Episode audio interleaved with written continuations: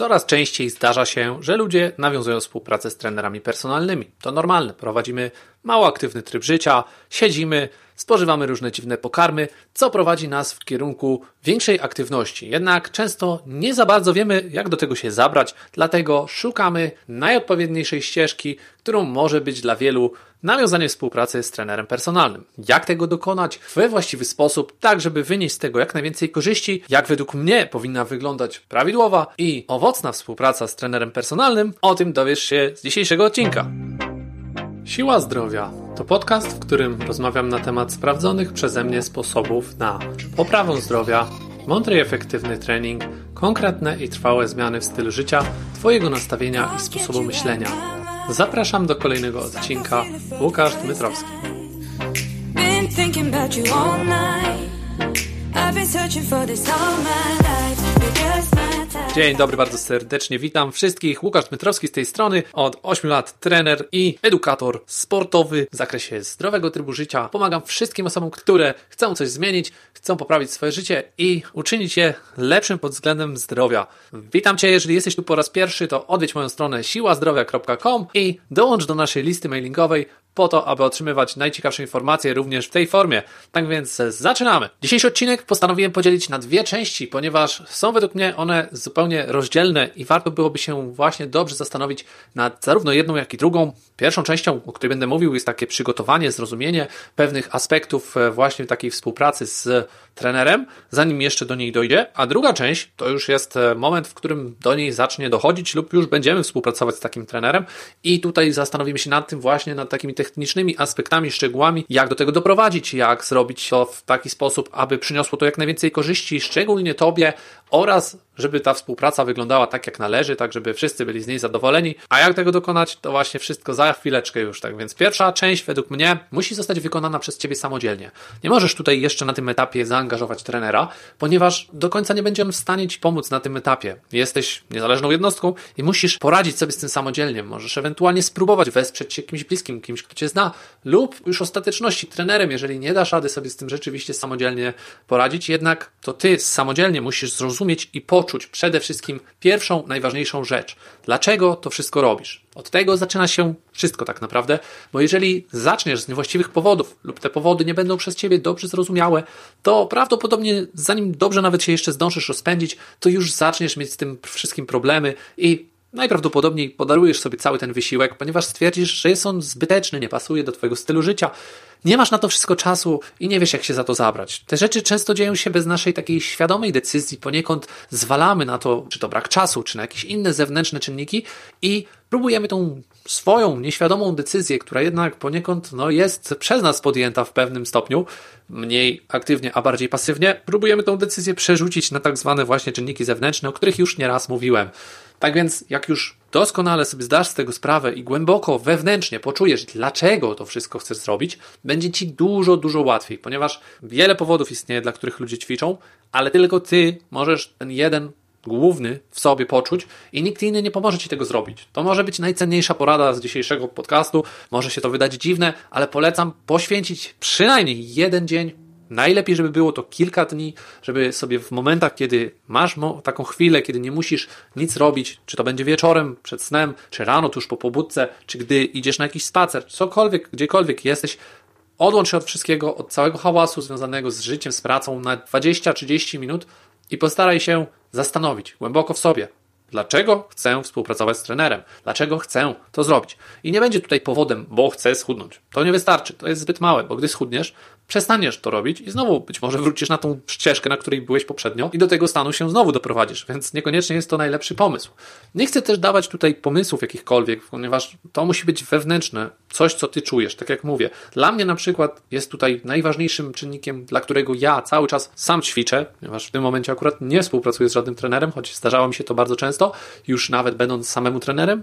Dla mnie najważniejszą rzeczą jest zdrowie i to zdrowie przyświeca mi. Tu zdrowie jako proces, który ma trwać przez całe życie. Nie jest to chwila, nie jest to moment, w którym będę szedł na badanie jakiekolwiek, czy wykonywał jakiś test, tylko zdrowie, które jest bardzo szeroko pojętym dla mnie takim zagadnieniem, na które wpływ ma nie tylko trening, ale właśnie całokształt naszego stylu życia, który wchodzi, tak jak zawsze mówię, regeneracja, odżywianie i różne, różne jeszcze inne rzeczy, ale o tym dziś nie będziemy rozmawiać szczegółowo. I gdy już mamy ten nasz pierwszy, najważniejszy motyw, to w zasadzie powinno nam być łatwiej. Określamy sobie cel. Jeżeli tym celem właśnie będzie w pierwszym rzędzie zrzucenie jakiejś określonej ilości tłuszczu, tkanki tłuszczowej, czy nabranie masy, to staje się to wszystko łatwiejsze, ponieważ idzie to w zgodzie z tym naszym motywem, tym naszym dlaczego. O tym mówi wielu specjalistów nie tylko w dziedzinie sportu, ale dopiero gdy głęboko zastanowisz się nad tym i wdrożysz to w swoje życie, to być może stwierdzisz, cholera, oni wszyscy mieli rację, dlaczego oni w kółko o tym powtarzają, to już się robi nudne. Dopiero to się stanie, gdy samemu dotrzesz do tego swojego dlaczego. Jeżeli nie odnajdziesz tego, będziesz ciągle krążyć. Będziesz tak zwanej albo spirali,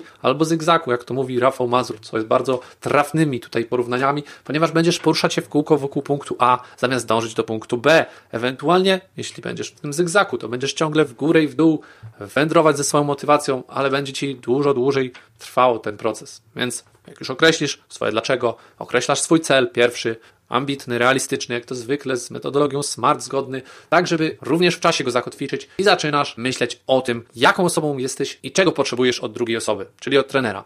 Bo jeżeli to jest motywacja, no to jest to błąd, ponieważ nadal nie rozumiesz swojego dlaczego. Jeżeli masz już to swoje dlaczego, to motywacja jest ci niepotrzebna, ponieważ wstając rano każdego kolejnego dnia Doskonale wiesz, że będą zloty, upadki, gorsze i lepsze dni i zaczynać się robić znacznie łatwiejszy obraz widzisz. Stajesz i wiesz, co masz do zrobienia, bo to zaplanowałeś. Czy czujesz się lepiej, czy gorzej, nie ma dla ciebie żadnego znaczenia. Tak naprawdę motywacja nie istnieje. Jest tylko i wyłącznie dlaczego i jest na drugim miejscu twój cel. Więc wracasz do niego, mielisz to tak długo, a stanie się to podświadomą częścią Twojego jestestwa. No i tutaj wówczas kończy się część pierwsza, można byłoby powiedzieć. Oczywiście, można byłoby dalej iść, zagłębiać się, rozdrabniać to wszystko. Moim zdaniem ta część pierwsza już w zupełności powinna wystarczyć. Jednak brakuje tutaj jeszcze całego tego procesu, na który pewnie wiele osób też chciałoby zwrócić uwagę. Ale ty już mamy odpowiedzi na te pytania. Dlaczego, jaki cel i kim jestem, dlaczego to robię, co chcę osiągnąć, jaką jestem osobą, czy jestem introwertyczny, czy ekstrawertyczny, czy potrzebuję kogoś, kto będzie na mnie krzyczał, czy potrzebuję kogoś spokojniejszego. Wtedy mogę zacząć sobie zadawać bardziej techniczne pytania. Na przykład takie jak, gdzie chcę trenować, czy to będzie w domu, czy w klubie, jaki sprzęt jest do tego potrzebny, jaka metodologia zbliża mnie najszybciej do mojego celu. Jeżeli nie wiem, wracam do punktu pierwszego z części pierwszej. Dlaczego ja to robię? Po co ja to robię? I wtedy łatwiej będzie mi znaleźć odpowiedzi na te pytania, gdzie trenować i tak dalej. Druga rzecz, określam swoje możliwości. Tak samo czasowe, jak i finansowe. Dla mnie to tak naprawdę jedno i drugie to jest jednoznaczne. No, czas to tak naprawdę są pieniądze, chociaż wiadomo, że czasu nie można kupić, to pieniędzy można zarobić więcej i to szybciej, ale to nie o to tutaj w tym odcinku chodzi. Nie będziemy rozmawiać o pieniądzach, tylko o tym, żebyś znał swoje możliwości i był w tym wszystkim realistą. Nie planuj sobie pięciu treningów, jeżeli doskonale wiesz, że to jest kompletnie niemożliwe w Twoim przypadku, no bo będziesz rozczarowany po pierwszych dwóch tygodniach, przepadnie ci trzy albo pięć treningów i będziesz się tylko i wyłącznie wkurzać. Tak naprawdę, jeżeli na pewno wiesz, że nie możesz pozwolić sobie na tego trenera personalnego w pełnym wymiarze, możesz skorzystać z takich miejsc, które oferują taką opcję hybrydową lub na początek po prostu potrenować troszeczkę z trenerem indywidualnie, a potem skorzystać na przykład z zajęć grupowych, które w takich miejscach jak nasz box stanowią również formułę bardzo fajną, ponieważ tak na dobrą sprawę jest to też trening personalny, jedynie masz mniejszą uwagę ze strony trenera, co dla wielu osób jest wystarczające. Ok, ale wracając do tych naszych poszukiwań, co tutaj kolejną rzeczą by było, którą bym radził, żeby zrobić, to tak naprawdę zanim jeszcze wykonamy takiego ostatecznego wyboru, to chcielibyśmy poznać tego naszego trenera choć trochę i zobaczyć, co możemy się dowiedzieć o nim na jego stronie internetowej, w Google, na Facebooku, Instagramie, gdziekolwiek on tam się znajduje w sieci, to warto byłoby wyrobić sobie jakieś zdanie o nim, nawet zanim jeszcze zadzwonisz, czy to jego styl pracy, czy sposób porozumiewania się odpowiada Ci, czy są jakiekolwiek inne cechy, na które chciałbyś zwrócić uwagę. No i wówczas wykonujesz sobie taką małą listę, powiedzmy dwóch, trzech osób, do których chciałbyś się odezwać. Dzwonisz, rozmawiasz, a następnie umawiasz się z tą osobą, która zrobi na Tobie najlepsze wrażenie. No w końcu będziecie przez najbliższy czas dość blisko, więc warto zrobić to dobrze, warto przygotować się i poświęcić trochę czasu. To tak troszeczkę jak kupowanie samochodu czy mieszkania, bo no, będziemy w tym mieszkaniu przez długi czas. Z trenerem oczywiście możemy się szybko rozstać, ale mimo wszystko warto, żeby to była relacja fajna. I dopiero wtedy, gdy mamy pewność, że taka osoba przynajmniej w pewnym zakresie, na odległość, zrobiła na nas wrażenie, umawiamy się na pierwsze spotkanie. I zanim to zrobisz, no to wypytujesz takiego trenera, jak to będzie wszystko wyglądało. Czy od razu będzie trening, czy może jakiś wywiad, co muszę przygotować. To są już takie bardzo szczegółowe, techniczne kwestie, ale jednak warto to zrobić, żeby zobaczyć, w jaki sposób pracuje Twój przyszły trener. Jeżeli nic takiego nie będzie miało miejsca, być może będzie to już powód do jakiegoś lekkiego niepokoju, ponieważ ja nie chciałbym iść na pierwszy trening do kogoś, kto w ogóle nic o mnie nie wie, zupełnie nie interesuje go to, co chcę osiągnąć. Gdy przychodzi przychodzę na pierwsze spotkanie, to jako klient chciałbym przedstawić swoje potrzeby. Chciałbym, żeby ktoś sam zapytał mnie o to, po co ja tutaj się znalazłem, czego oczekuję, co mną kieruje. Tego typu pytania ułatwiają współpracę z trenerem, który będzie bardziej zorientowany, na co po prostu nastawia się ty jako klient. Jeżeli tego wszystkiego nie ma, od razu przychodzisz na salę i już pierwszego dnia wchodzisz na nią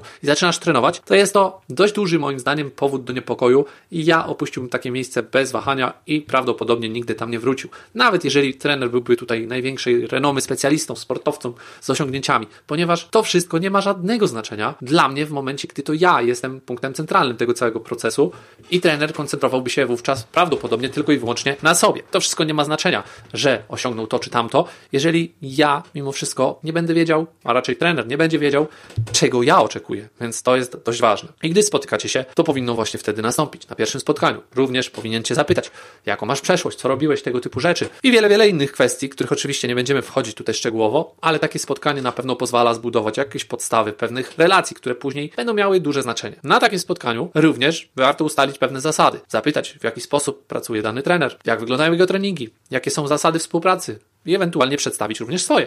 Bo wydaje mi się, że nie ma nic gorszego niż takie rozpoczęcie współpracy bez ustalenia jakichkolwiek zasad, ponieważ głównie właśnie z tego powodu mogą później wyniknąć różnego rodzaju nieporozumienia. Jeżeli nie są ustalone pewne reguły, to każdy ustala je sam bez rozmawiania z drugą stroną, więc tutaj już jest pewne pole do nieporozumienia, tak jak powiedziałem. No i gdy to już wszystko mamy, wybraliśmy tego trenera, jesteśmy zadowoleni, wiadomo, kwestie techniczne, płatności i tak dalej, to nie ma znaczenia. Oczywiście ma, ale to już wszystko jest jakby drugoplanowe.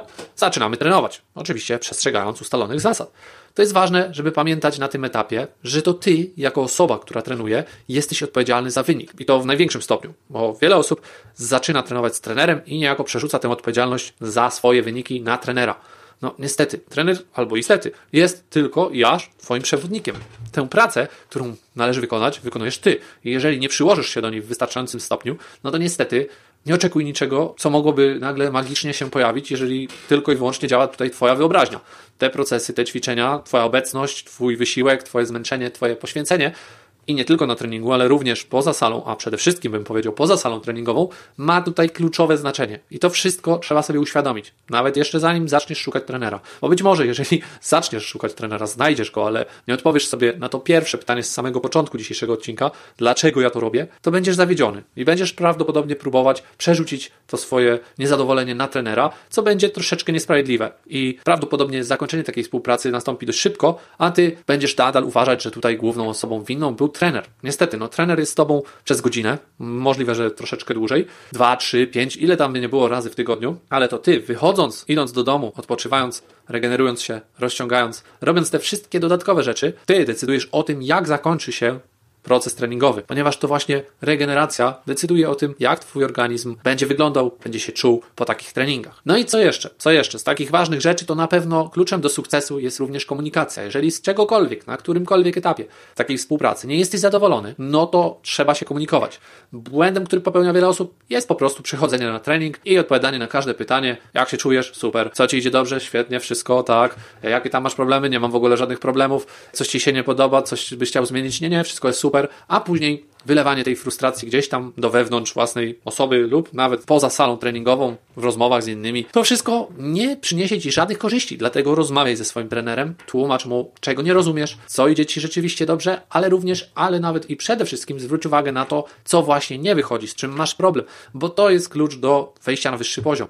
Nikt nigdy nie stał się lepszy od tego, co robił dobrze. To chyba dość proste. Musimy poprawić nasze słabsze ogniwa, Szczególnie ważne jest to w procesie poprawy sprawności. Zawsze tłumaczę to w ten sposób. Działamy poniekąd jako jednostka, nasz organizm, jak taka firma, mająca kilka różnych działów. Powiedzmy, że prawie w każdej firmie mamy dział sprzedaży, mamy dział marketingu, mamy dział HR, mamy jakieś tam jeszcze inne działy. Nie ma to znaczenia. Ale wyobraźmy sobie sytuację, w której firma radzi sobie całkiem nieźle, osiąga jakieś przyzwoite obroty i niestety jeden dział zaczyna nawalać. Co wówczas się dzieje? No, procesy w całej firmie zaczynają zwalniać, bo nie ma tu znaczenia, czy to będzie sprzedaż. Jeżeli sprzedaż nawala, zaczyna brakować klientów, ponieważ nawet dobry marketing przyjdą, zobaczą, ale niestety nie zdecydują się na zakup. Równie dobrze, być może to marketing jest tym słabym ogniwem, no i wówczas nawet w ogóle ludzie nie przyjdą. Możemy mieć najlepszych sprzedawców, ale nic się nie sprzeda.